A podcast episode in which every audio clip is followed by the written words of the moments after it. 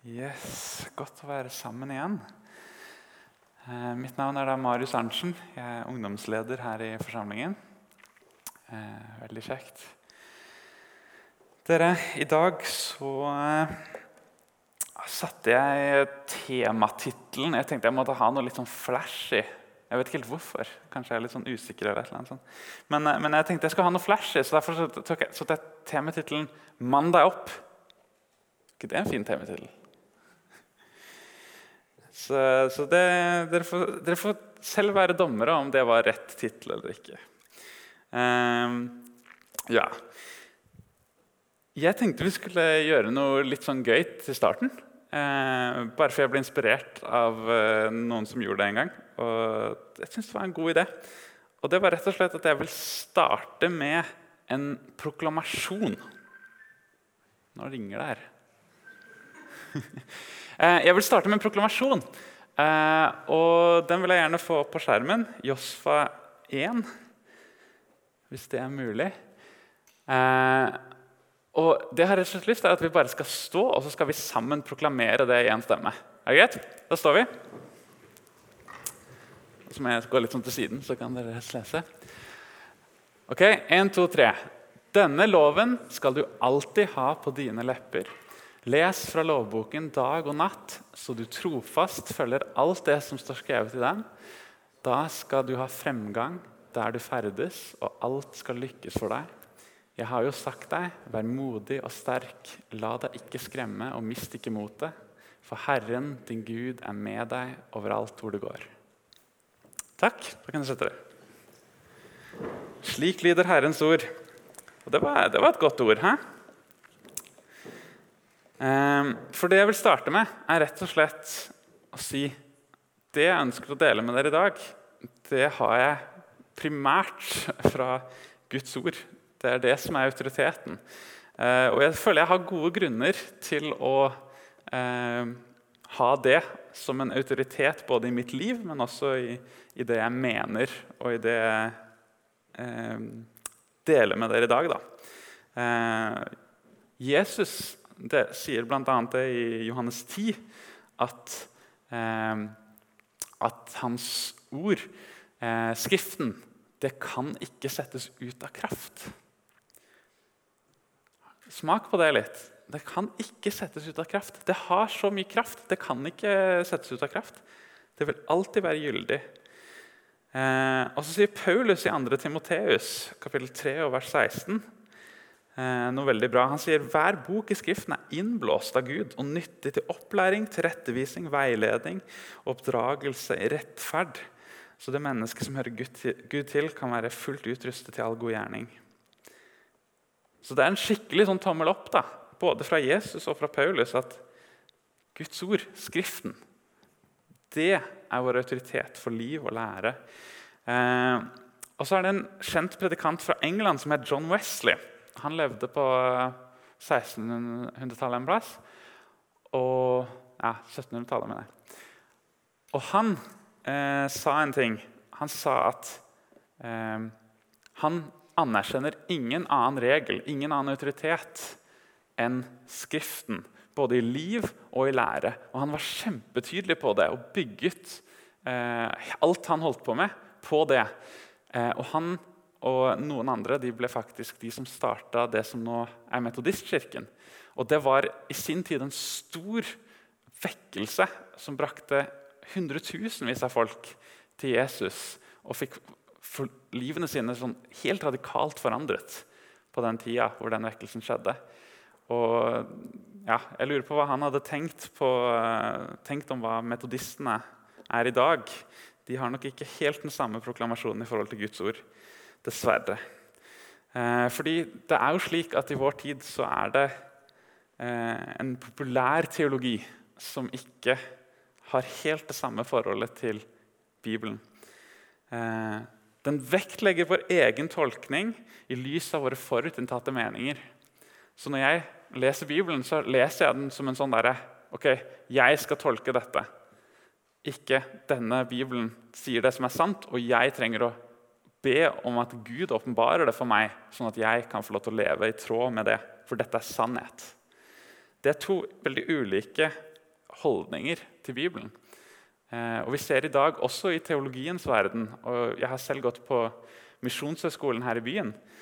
Eh, og der kan, du, der kan, du, lære, og de, de, gir deg på en måte bøker i pensum som eh, rett og slett fornekter at Bibelen er Guds ord.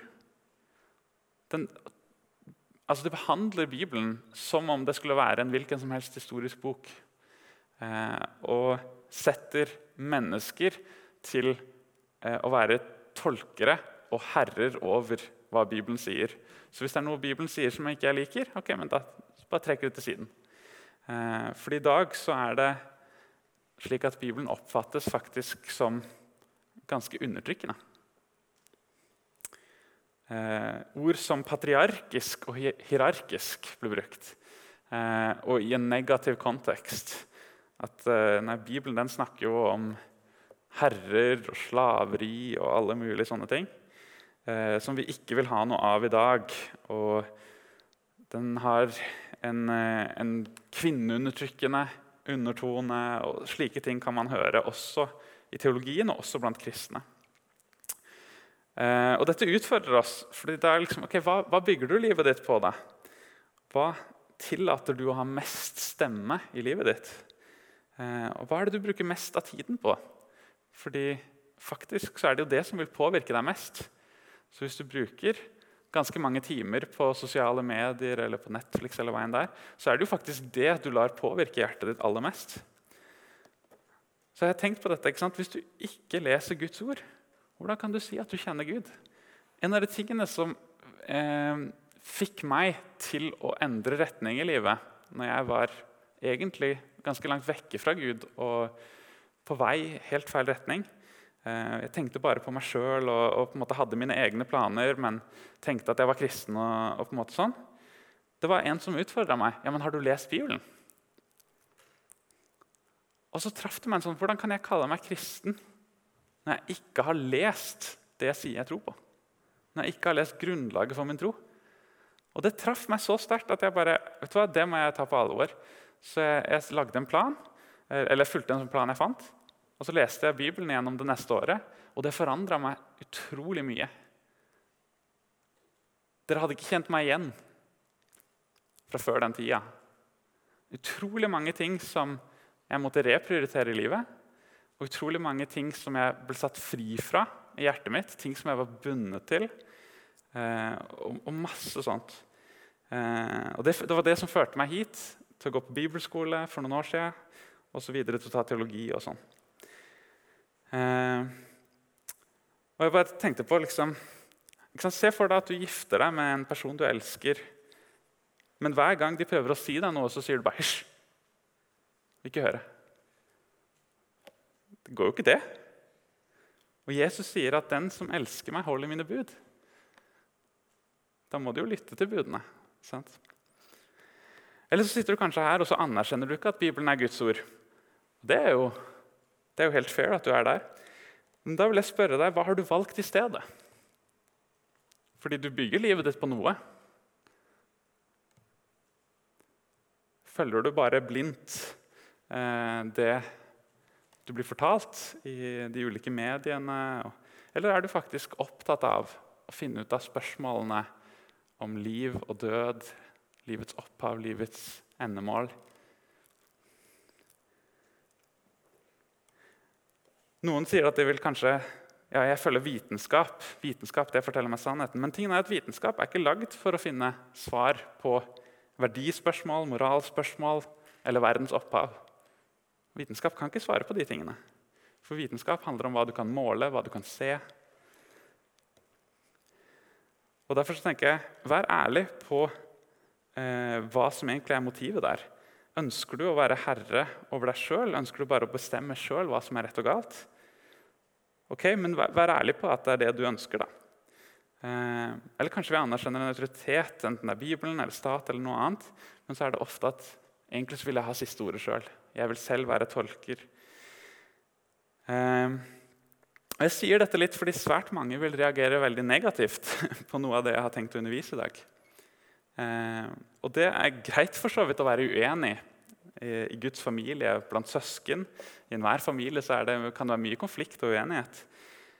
Men jeg vil likevel, hvis du kjenner på det at, at på måte, det er noe i deg som protesterer mot dette, så vil jeg likevel bare utfordre deg om å spørre deg er tankene og verdiene som du har der, er det formet av Guds ord først?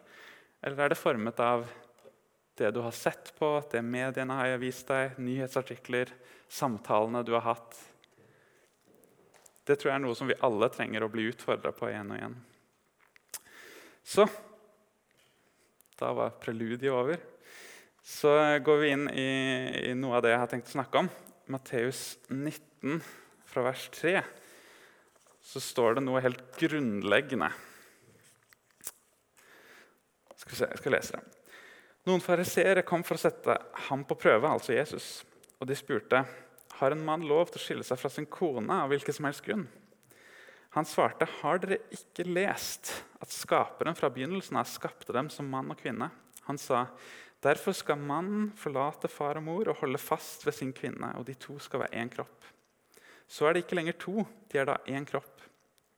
Det som Gud har sammenføyd, skal mennesker ikke skille. Da spurte han, 'Hvorfor har da Moses bestemt at mannen skal gi eh, kvinnen skilsmissebrev før han sender henne fra seg?' Han svarte, 'Fordi dere har så harde hjerter, har Moses tillatt dere å skilles fra kona deres.' Men fra begynnelsen av var det ikke slik. Jeg sier dere, Den som skiller seg fra sin kone av noen annen grunn enn hor, og gifter seg med en annen, han begår ekteskapsbrudd. Her er det litt ulike poeng jeg har lyst til å ta frem. Det første er Jesus spør har dere ikke lest. Og Hvis du ikke har lest, så vet du jo ikke bedre. sant? Har dere ikke lest? Sørg for at du har lest, og at du vet. Hvis du ønsker å følge Gud, så må du vite hva som er hans vilje. Og så er det dette med at han sier at fra begynnelsen av Og det er et, et spesifikt, eh, en spesifikk referanse til at nå peker han på første Mosebok. For Første Mosebok den het Begynnelsen. Og den heter Begynnelsen på hebraisk. Eh, så Første Mosebok i begynnelsen. Og så står det så skapte Gud mann og kvinne. Bare det er jo kontroversielt å si i dag. At det bare er mann og kvinne. Det er ikke noe tredje kjønn, det er ikke noe trans, det er ikke noe midt imellom. Eh, kan gjerne, det kan gjerne være mange som har utfordrende situasjoner i livet. Men det biologiske skjønnet som du er født med, det er det som faktisk er den du er. Og det er ikke sunt for noen å, prøve å fornekte eller undertrykke eller endre sånne ting som Gud har ordnet. Gud har, har bestemt det. Sånn er det. Eh, og Gud legger her basis for alt menneskelig samfunn. Én mann, én kvinne i hellig forpliktelse og ja, også seksuelt fellesskap. Og Det er hans plan. Det er hans plan helt fra begynnelsen av. At alle samfunn skulle være bygd på og basert på den eh, grunnsteden av familie. Eh, så, så, egentlig det han sier, er pe pek på første Mosebok. Så vi må gå til første Mosebok tenkte jeg da, eh, og se litt mer av hva det står i den konteksten. Så Første Mosebok 1, eh, vers 26, så sier Gud La oss lage mennesket i vårt bilde, så de ligner oss. De skal råde over fiskene i havet og fuglene under himmelen, over fe og alle ville dyr, og alt krypes som det kryr av på jorden. Og Gud skapte mennesket i sitt bilde. I Guds bilde skapte han det. Som mann og kvinne skapte han dem. Igjen mann og kvinne, men han skapte i Guds bilde. Og Dette er så utrolig viktig fordi det gir grunnlaget for menneskets verdi. Uavhengig av om du tror på det eller om du ikke tror på det. Alle mennesker har verdi fordi Guds bilde ligger ned i hvert enkelt menneske. I du som sitter her, du har Guds bilde i deg. Du ligner på Gud. Og det er fantastisk når man kan ha det grunnlaget for verdi. Og der er det svært Der er det mye som står på spill nå. Eh, men en ting er helt sikkert er at vi hadde ikke hatt menneskerettighetene for eksempel, hvis det ikke var for disse versene. For den ideen der kommer ikke fra eh, vitenskap, det kommer ikke fra Big Bang, det kommer ikke fra noen av disse eh, måtene å tenke på i vitenskapen. At mennesket har liksom en eller annen sånn unik eh, plass du kan ikke forankre det i, i kognitive evner, fordi det varierer. Sant? Du kan ikke forankre det i potensial, for det vil også variere. Du kan ikke forankre det egentlig i noen evne eller noe sånt. Fordi alle de tingene vil, vil alltid variere. Men er det én ting vi har til felles som mennesker, så er det vår menneskelige natur. Og Hvis du forankrer menneskeverdien i noe som helst annet, så vil det alltid bli et eh, skillesamfunn hvor noen mennesker er ikke verdt noe, være det samme som andre mennesker. Eh, vi ser noen tendenser til det i dag ved at fosteret i mammas mage, barnet i mammas mage, det regnes ikke som menneske. Hvorfor ikke? Det kan ingen svare på. Vi bare strekker en helt merkelig, arbitrær linje, og så sier vi at sånn er det bare. Men det er like fullt et menneske. Det er levende. Det har menneskelig DNA, det ser ut som et menneske etter ganske få uker. Så dette er så utrolig viktig, og så er det så utrolig gode nyheter. egentlig. Fordi altså, alternativet er at mennesket er bare et dyr som helt vilkårlig og tilfeldig er her, og egentlig har ingen større eller mindre verdi enn noe annet dyr. Og det er ikke noe hensikt ved menneskets eksistens. Det er alternativet. Og det alternativet vet vi hva som har skapt. Det har bl.a. Stalin bevist for oss hva som skjer når man tror på det. Eh, og Så gir det også her et oppdrag, og da må vi videre til neste kapittel. også. Eh, for det er dette med, her med 'vær fruktbare, fyll jorden og legg den under dere'. Det gir en grunnlag for hensikt. Dette blir begge gitt til, til både mann og kvinne. Eh, vi leser fra 1. Mosebok 2, 15. Så tok Herren Gud mennesket og satte det i en sage til å dyrke og passe den.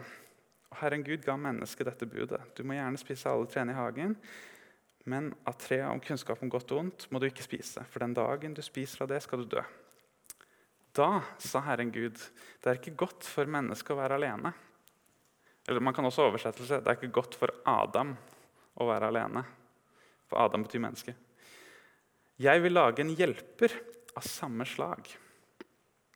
Herren Gud formet alle dyr på marken og alle fuglene i himmelen eh, av jord. Han, dem, han førte det til mennesket for å se hva han ville kalle dem. Det som mennesket kalte hver levende skapning, det fikk det til navn. Mennesket ga navn til alt fe, til himmelens fugler og alle villmarkens dyr. Men til seg selv fant mennesket ingen hjelper av samme slag. Da lot Herren Gud en dyp søvn komme over mannen. Mens han sov, tok han et ribben og fylte igjen med kjøtt. Av ribbeinet Herren Gud hadde tatt av mannen, bygde han en kvinne, og han førte henne til mannen. Da sa mannen, nå er det bein av mine bein og kjøtt av mitt kjøtt. Hun skal kalles kvinne, for av mannen er hun tatt. Derfor skal mannen forlate sin far og sin mor og holde fast ved sin kvinne, og de to skal være én kropp. Begge var nakne, både mannen og kvinnen, og de skammet seg ikke for hverandre.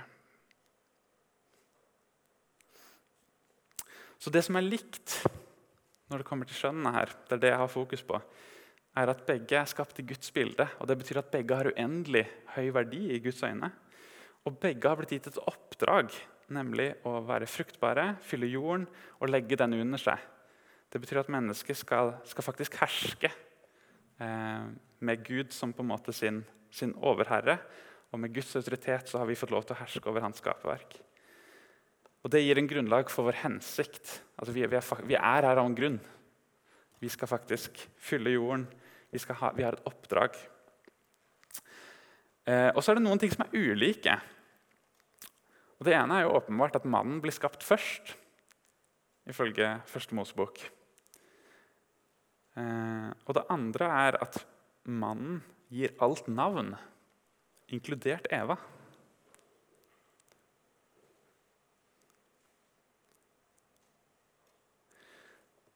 Og Det er litt interessant, fordi i kulturen dette kommer ut ifra, så var dette med navn ganske, det var ganske sånn viktig.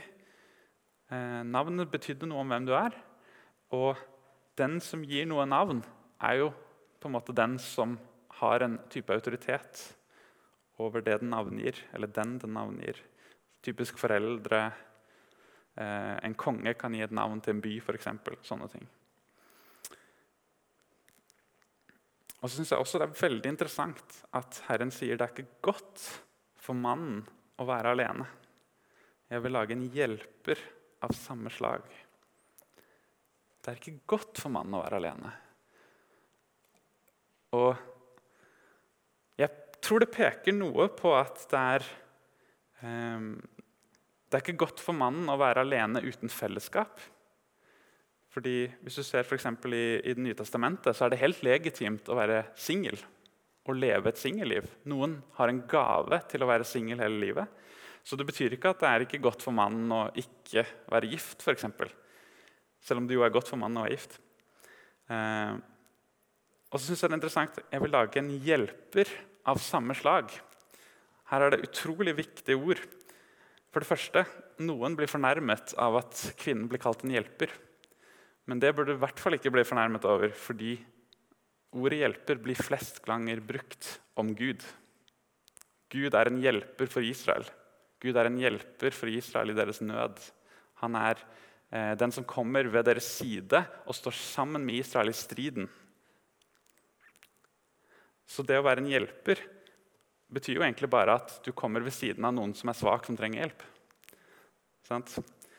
Så, og jeg tror det er veldig rett. Det stemmer i hvert fall veldig med min erfaring at mannen trenger hjelp.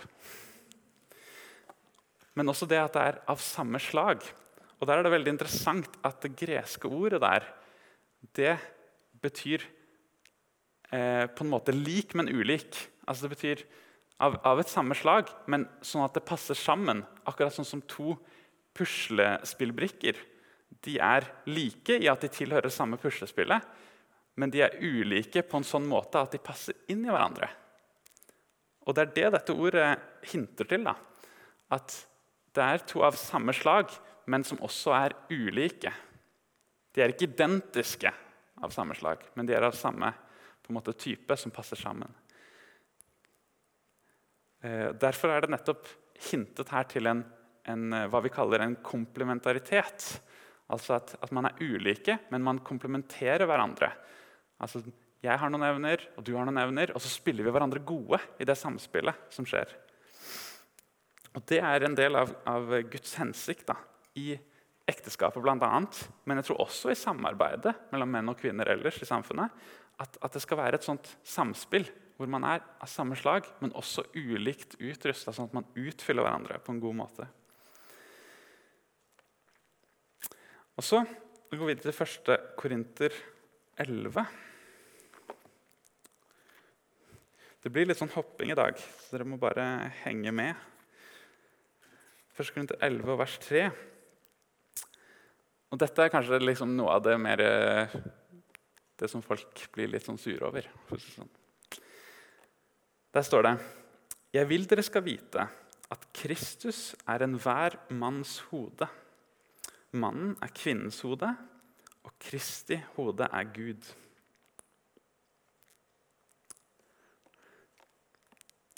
Altså så er det et, en kjede av autoritet som Paulus her beskriver. Eh, hodet er et, et, eh, begrep som ble brukt i forhold til autoritet. Eh, det å være noens hode var på en måte at du ikke at du sto over de i forhold til verdi, f.eks., eller verdighet, men det var eh, snakk om rolle og posisjon. Og Kjeden av autoritet går sånn. Gud, Kristus, ektemann, kone. Det var kontroversielt, det. Hæ? Gud, Kristus, ektemann, kone. Men hvis du kjenner sånn helt intuitivt at det eh, høres galt ut, eller et eller annet sånt, For det første så er du antageligvis et ektefødt barn av din tid. Eh, for si 200 år siden så er det nok ingen som hadde tenkt på det. Eh, for det andre så vil jeg igjen minne om hva var det som ifølge Bibelen gir mennesker verdi? Jo, at de er skapt i Guds bilde. Og det er ikke noe forskjell på mann og kvinne der.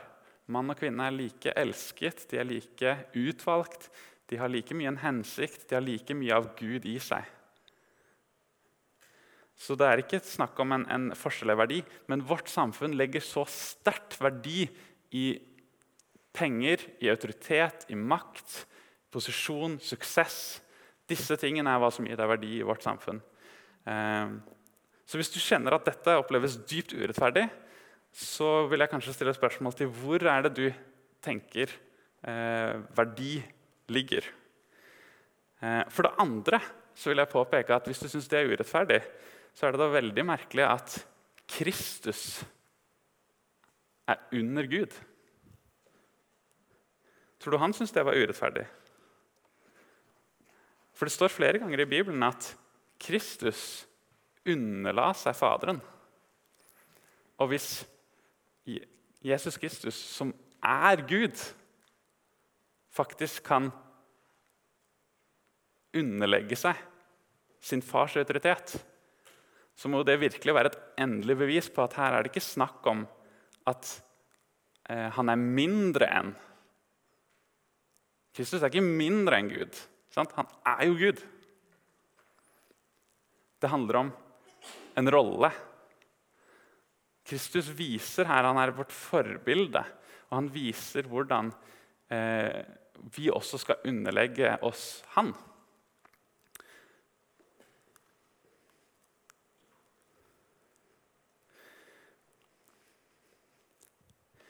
Fordi Kristus og Faderen de deler jo samme natur. De er begge Gud, fullt og helt. Derfor kan det ikke være snakk om en ulik verdi i form av natur. Og Så vil jeg gå til Efesene 5, 22. For der er det egentlig snakk om egentlig akkurat samme greia, bare med litt andre ord og litt mer utbrodert. Jeg vil veldig gjerne anbefale dere også å se på dette litt mer hjemme hvis du skjønner at dette er noe som du ikke har sett før. Der står det en dere kvinner underordne dere ektemennene deres som under Herren selv. For mannen er kvinnens hode, slik Kristus er kirkens hode.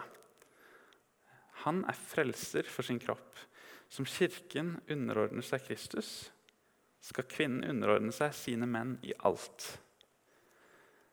Og der mannen ikke viser lederskap, ikke bærer sin byrde av ansvar, der blir det kaos.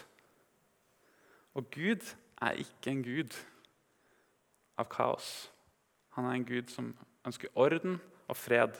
Det står i 1. Korinter 14. Og Gud har kalt oss til å være i en orden. Og det er godt for oss å følge hans eh, regler. Fordi han er skaperen. og akkurat sånn som Når du åpner en vaskemaskin, så leser du instruksjonene først. Du driver ikke bare og kaster inn en murstein og tenker at dette går bra. Det, da vil den bli ødelagt. Og Akkurat slik er vi nødt til å lese instruksjonene fra Han som har skapt oss, som har skapt dette universet. Eh, og mitt problem og nå, nå, er det liksom bekjennelsestid for meg.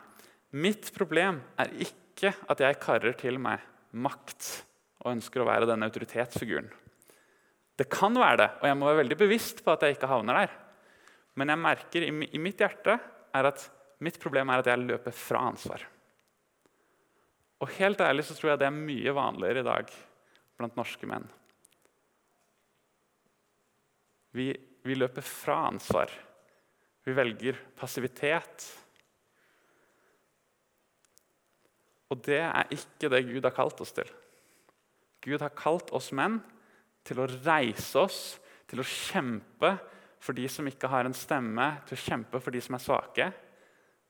Til å stå i en kamp og beskytte. Gud har kalt oss til å bære et ansvar. Og når vi ikke gjør det, så, så er det faktisk synd mot ham. Jeg kjenner meg veldig igjen i historien til Jonah. Jonah han får et, et ord fra Gud. Du skal gå og, og forsyne dom til Ninive. Det er liksom som jeg skulle gått her og forsynt eh, dom til Oslo. Gå, Marius, forsyn dom til Oslo. Og så drar jeg på første ferja over til USA. Så langt vekk. Sånn gjorde Jonah, og det endte ikke godt for han. Og så er det litt interessant, for Jeg har sett litt på dette òg, at vanlig biologi sier egentlig mye av det samme i forhold til at, at det er en forskjell på mann og kvinne. Og Det er merkelig egentlig at det skal være så på en måte kontroversielt. fordi Innenfor biologifeltet så er det på en måte bare helt åpenbart, men man kan ikke si det i vårt samfunn. Mannen er sterkere enn kvinnen med 20-50 alt etter hvem du spør. Eh, menn er generelt mer aggressive, bl.a. fordi eh, de produserer mer testosteron. Og de er mye mer villige til å ta sjanser. De er villige til å ta risiko. Kvinner generelt er mer fredssøkende og mer omsorgsfulle. Dette er ikke en veldig stor overraskelse, er det det? Jeg ser noen som er litt sånn, andre er litt sånn usikre. Um, ja. Så det er en orden i den himmelske familien. Altså du har eh, far og sønn, og så er det mannen og kvinnen.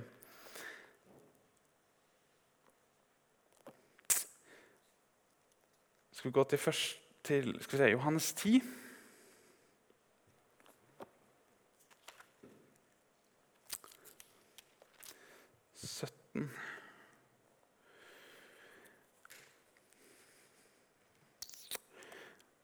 Far elsker meg fordi jeg gir livet mitt for siden å ta det tilbake. Ingen tar livet mitt. Jeg gir det frivillig. For jeg har makt til å gi det og makt til å ta det tilbake igjen. Dette er oppdraget som jeg har fått av min far. Dette sier Jesus. Han har fått et oppdrag av sin far, og han underlegger seg hans fars autoritet. Og Det fins mange sånne eksempel. Du kunne gått til Johannes 12, 14, mange andre steder. Og så er det interessant også i, i Hebreerne 5. Og det husker jeg når jeg første gang jeg leste det, så ble jeg helt sånn sjokka. For der står det at Jesus lærte lydighet ved å lide. Og jeg tenkte Er det mulig? Han lærte lydighet ved å lide. Jesus måtte være lydig, og han er også der et forbilde for oss. Eh, også, også, i en kristen familie, eller f.eks. i en forsamlingsfamilie, så finnes det en orden. Eh, der har vi også Jesus som forbilde i at eh, far i en familie han har noen av de samme rollene som eh, hans forbilde Jesus har. Han skal være som en prest for familien i forstand av at han skal gå i forbønn, i bønnekamp for eh, sin familie, for sin hustru, for barna. Eh, og Der har vi Jesus som forbilde. 1. Timoteus 2,5.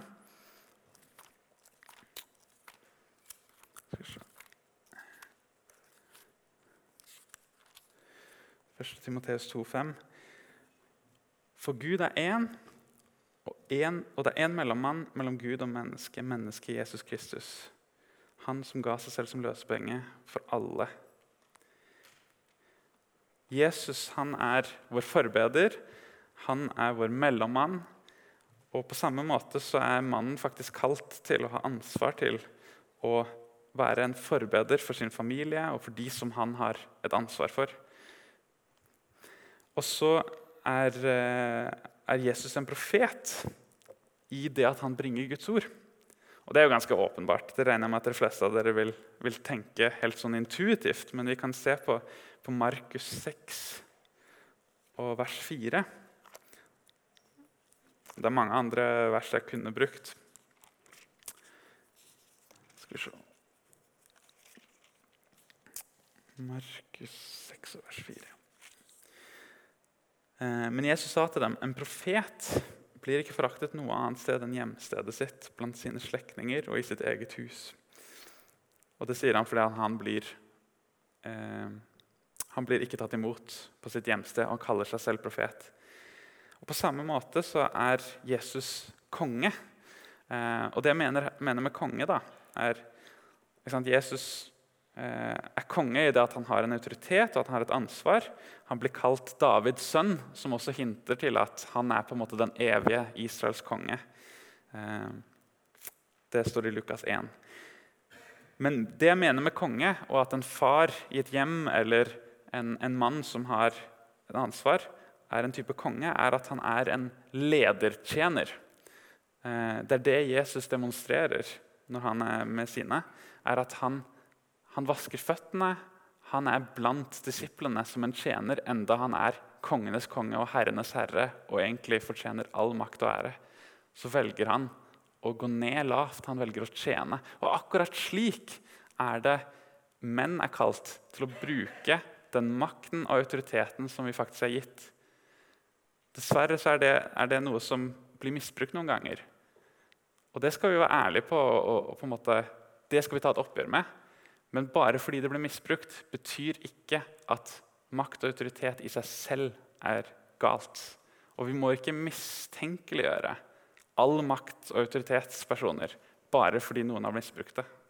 Vi trenger folk som tar ansvar, vi trenger folk som holder orden. Eller så går hele samfunnet ut i kaos.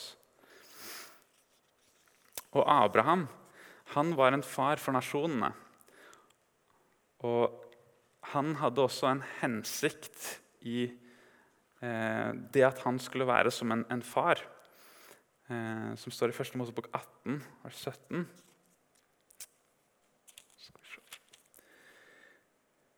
Da tenkte Herren, skulle jeg skjule for Abraham hva jeg ville gjøre?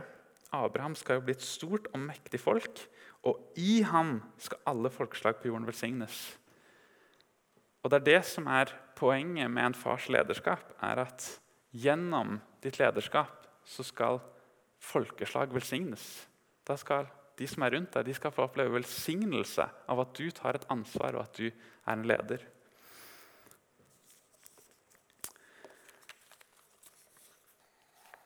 Og så vil jeg ha en bare liten ting. Nå er det ikke alle dere som er gift ennå. Eh, men mange av dere kommer antageligvis til å bli gift. Og Derfor så tenker jeg at det er litt viktig å snakke noe om det. Eh, hva er Guds hensikt med ekteskapet? Og Da må vi til Malaki. Det fins mange ting jeg kunne sagt her, og jeg har ikke tid til å gå inn på alt det. Men i Malaki så så står det noe interessant.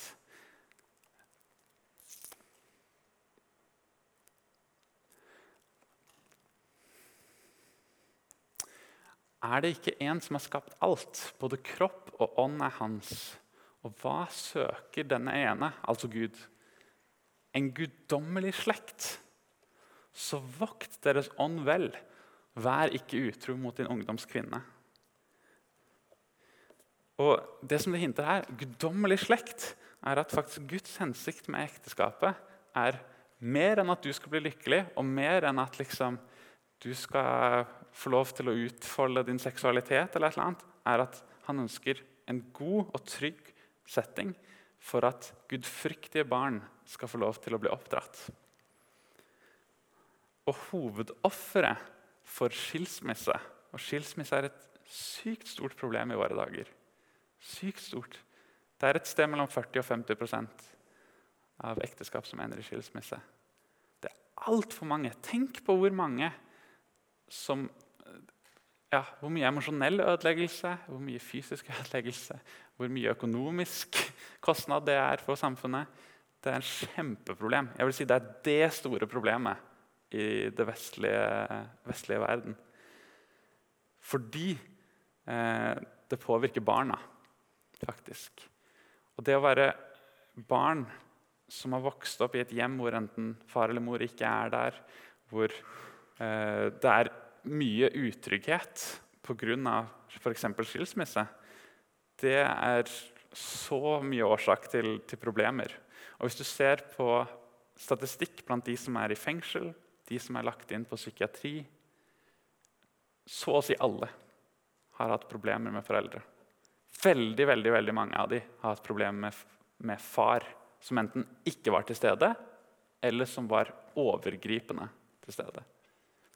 Altså enten brukte makten sin feil, eller ikke var til stede og tok ansvar.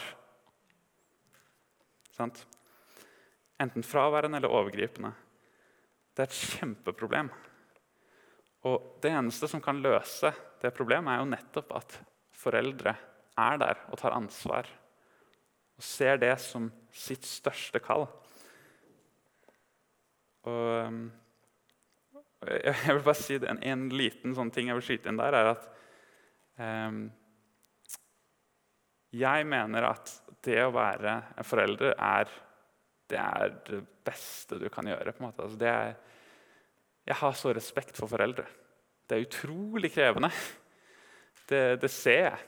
Jeg er ikke forelder sjøl, men det ser man. Og, og de som virkelig bare heller ut alt de er og alt de har, for sine barn og for den neste generasjonen, de fortjener virkelig vår respekt, og at vi står med dem. Altså. Og, og det, det, gir meg sorg å se at noen er veldig på at f.eks.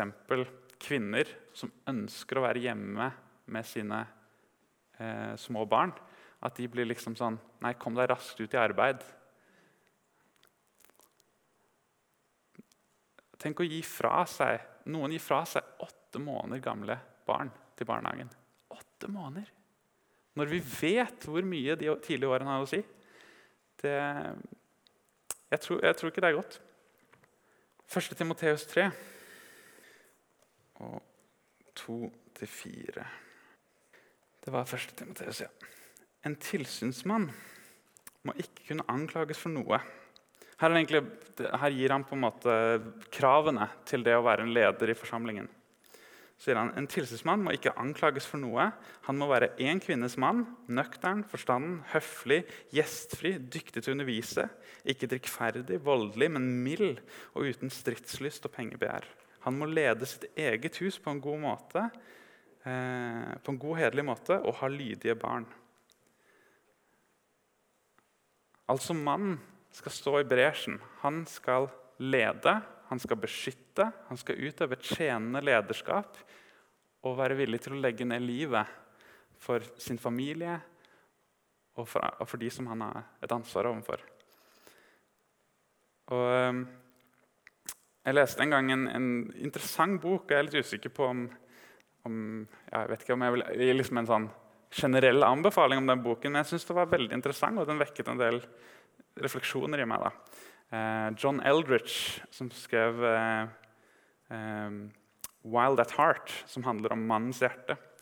Og Han sier det, at dette er på en måte hans sentrale tese. da, At hver manns hjerte så er det en dyp lengsel etter en kamp å kjempe, et eventyr å leve og en skjønnhet å vinne.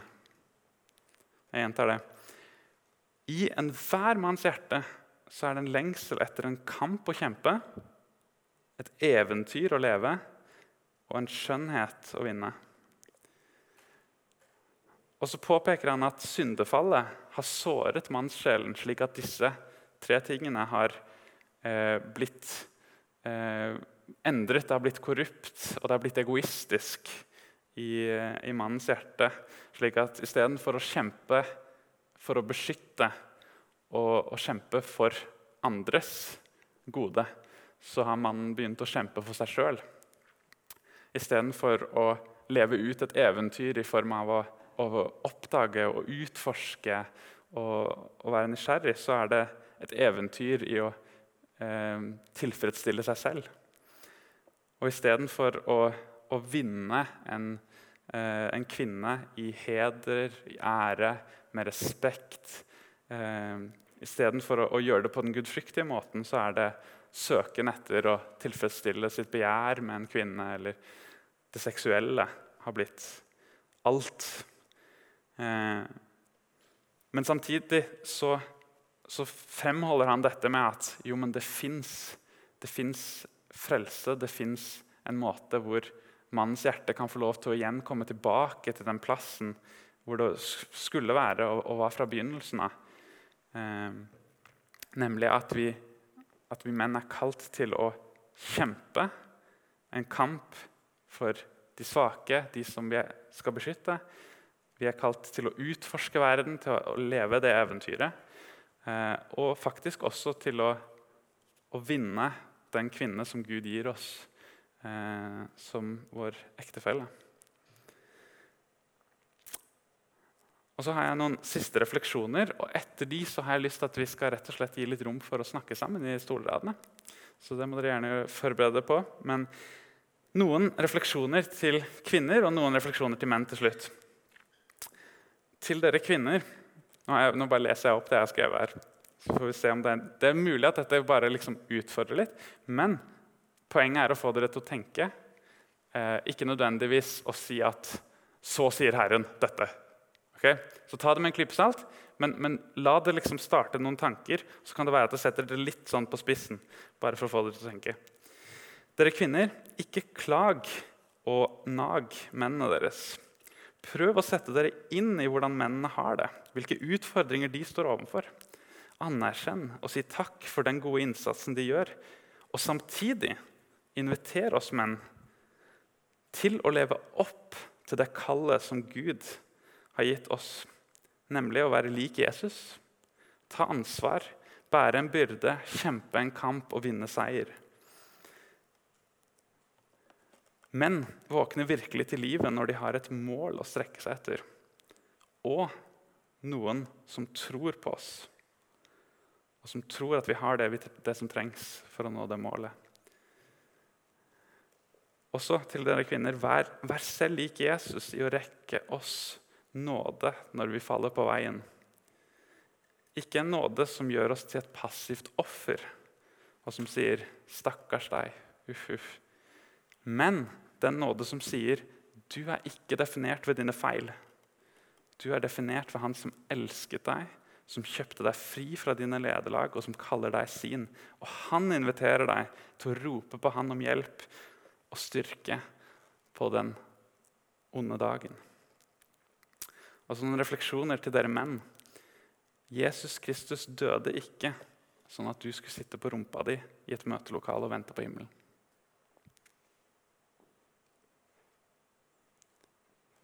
Jesus Kristus døde ikke så du skulle sitte på rumpa di og vente på himmelen. Han ga sitt liv for at du skulle reise deg og leve et radikalt liv for ham. Slik at denne verden ikke lenger kan ignorere at Jesus er konge du er kalt til å være lys, du er kalt til å være salt. Og du skal ikke gjemme deg. Og jeg vil si til dere menn at, at Gud har lagt sitt bilde ned i deg. Det betyr at han har også utrustet deg med noe som denne verden trenger. Og er det én ting som jeg har, har, kjent litt på så langt i denne jobben, jeg har jobbet her ca. et år, er at det er veldig få menn som er i tjeneste og som tar ansvar. Så jeg lurt på hva skjer med det. Er det én ting som omtrent alle de, er, eh, altså de kvinnelige som er engasjert her, har poengtert, er at de er så frustrerte over at mennene ikke tar ansvar. At mennene oppleves som passive.